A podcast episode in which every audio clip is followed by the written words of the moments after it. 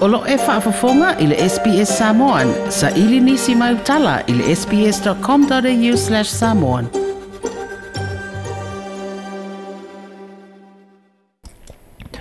Malo lei, Dr. Marianne Pali. Talofa lava, Ioane. Thank you so much for having me on your show. Tell us something about yourself. Uh, you teach at uh, Swinburne uh, University of Technology.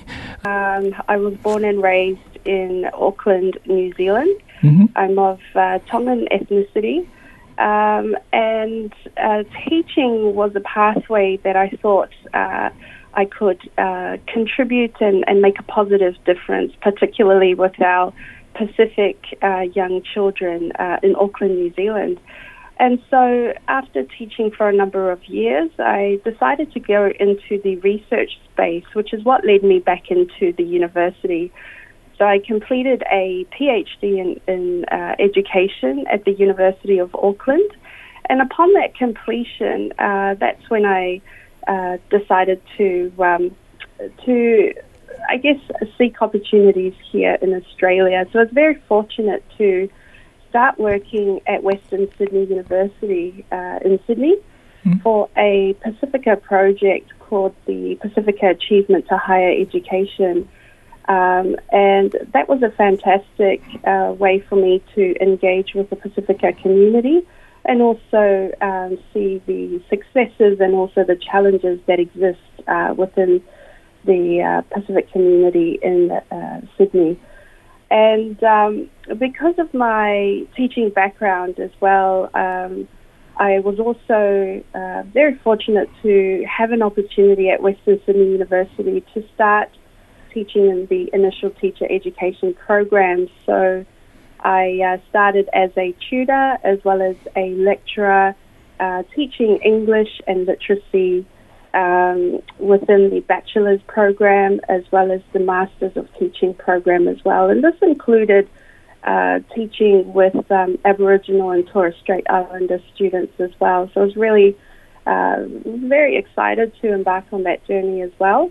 Um, and that's what then led me to Swinburne University of Technology. So I've been working here for five years now as a lecturer as well as a, a researcher in the initial teacher education programs where I've continued teaching in English uh, and literacy and um, have started uh, working with my colleagues on research projects that looks at supporting Pacifica secondary students uh, here in Victoria, as well as working with uh, rural communities as well to support the um, uh, teacher education programs. And That's a very, very impressive um, resume you've just uh, summarized there. I'm sorry if it took so I. I'm very, I'm very impressed.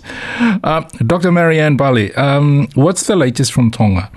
Are the schools opening again? Uh, do you know um, what the latest is uh, with regards to um, you know life in general in Tonga since the Yeah. um, volcano and tsunami? Yeah, since the uh, volcanic eruption and the tsunami, uh, a lot of uh, international aid has poured into Tonga, which is fantastic to see. And then we also see uh, the smaller relief efforts, um, such as uh, the fundraiser that I've organised, um, also come to light as well. And I think everyone is just pulling together and just trying to do their bit to support our, you know, Pacific um, brothers and sisters uh, there in Tonga. Currently, there are 15 positive uh, COVID 19 cases, and as such, the Tongan government has extended uh, the lockdown period, um, and, and so that's currently underway. So the extension, of course, was for another 14 days. Um, and this, of course, affects uh, quite a lot of people. The essential workers are still able to, you know, roll out their programs, um, and uh, and I think it's much needed, especially with the current Tongan uh, relief and recovery efforts as well.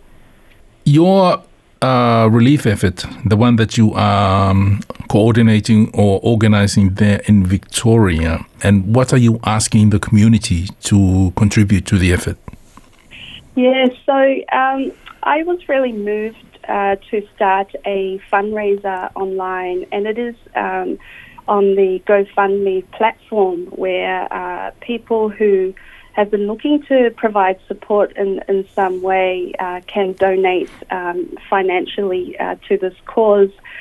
I wasn't entirely sure how to um, go about it, but um, I kept in prayer um, before this fundraiser started.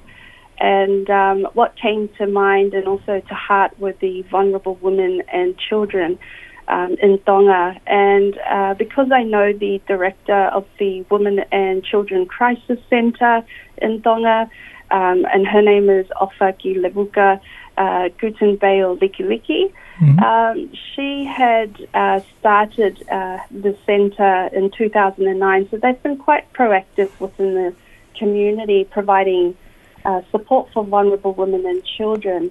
And of course, with the current uh, Tongan relief and recovery efforts, their work has, um, I guess, expanded, and the need, of course, to respond to trauma um, and also to provide humanitarian aid, uh, particularly for vulnerable families, especially women and children, is is, a, is quite crucial at this stage. And so I thought uh, perhaps um, raising some funds to help support uh, the Women and uh, Children Crisis Centre to um, continue the work that they're currently rolling out on the ground would be, um, would I guess, support the current work that they're doing. So they're providing uh, women with opportunities to have a talanoa um, in a safe space and um, and this is where the counsellors that are based at the Women and Children Centre are checking in with the women in their current state of emotional and physical and mental well-being. Mm-hmm. Um, but they're also providing uh, uh, the women and their families with a small pack of food, hygiene packs, and also water, of course, uh, which is quite um, uh, uh, which is quite crucial at this stage. So the money that's been raised through this GoFundMe uh, platform goes directly to the centre, and it's just assisting them with the small packs of food, the hygiene packs. Um, the last time I spoke with the director of the Women and Children Crisis Centre, she said that they're also providing cleaning products for these families, um, and especially for the women, to ensure that their house is um, uh, safe and clean and um, is not at risk for potential contamination uh, because of the ashfall and so forth. So um, I, um, we have managed to raise so far just under four and a half thousand dollars, uh, which is um, which is really really encouraging. And uh, when I spoke with the director of a um, uh, Guttenbeil she extended her heartfelt thanks. Uh, she's just so grateful for the support that's coming through. It was unexpected from, from their part, but they are so grateful and they um, do extend their thanks to the generous donors so far.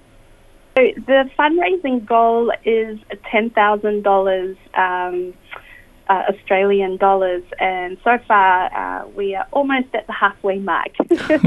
so um, we would appreciate, um, you know, our listeners who might be looking for a way to support our fellow Tongan brothers and sisters.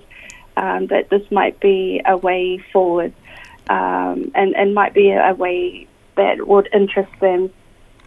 I just want to thank you, Ioane, for uh, your time today, as well as your listeners. It's a privilege to have um, spent time with, with you all today.